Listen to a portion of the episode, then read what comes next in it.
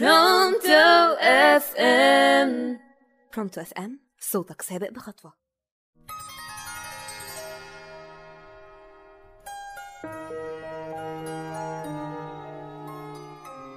أهلا وسهلا بيكم متابعي راديو Pronto FM من كل مكان في العالم. وحشتوني جدا.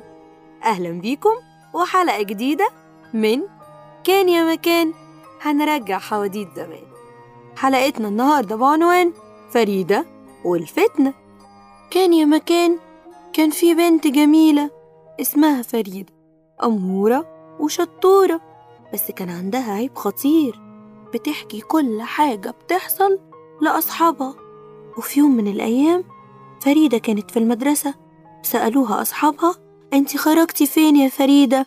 في الأجازة. ردت وقالت لهم أنا ما خرجتش يا أصحابي. إحنا جالنا في البيت تيتا وجدة وعمو. وفضلوا يحكوا ويتكلموا مع بابا وماما. تعالوا تعالوا أما أقول لكم حصل إيه؟ وطبعا يا أصحابي مش محتاجة أكمل لكم. إن فريدة حكت على كل حاجة حصلت عندهم في البيت. كده فريدة بقت مش بس بتتكلم عن نفسها دي بقت بتحكي كل حاجة عن أسرار البيت. وفي يوم من الأيام فريدة راحت تزور عمتها ولما رجعت مامتها سألتها وبتقول لها إيه يا فريدة؟ يا ترى اتبسطتي؟ عند عمته اتبسطت إيه بس يا ماما؟ دي عمته سابتنا وفضلت تتكلم في التليفون. تعالي تعالي لما افتنلك هي قالت إيه؟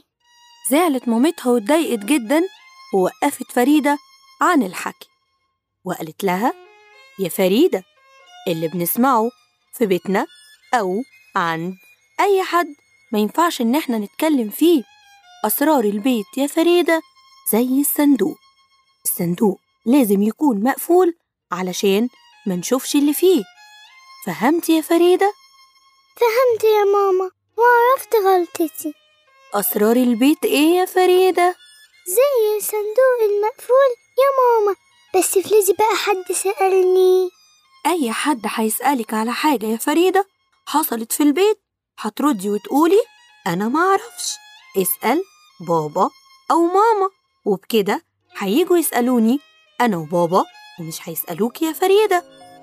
وتوتة توتة خلصت الحدوتة. أتمنى تكون عجبتكم واستفدتم. كانت معكم أميرة سليم وضيفة حلقتي المميزة سجا محمود أبو زيد. أتمنى تكون الحلقة عجبتكم. أنا ساجة أنا ساجة. مش فريدة الفتنة يا أصحابي. انتظرونا في حلقة جديدة؟ من برنامجكم كان يا مكان هنرجع حواديت زمان.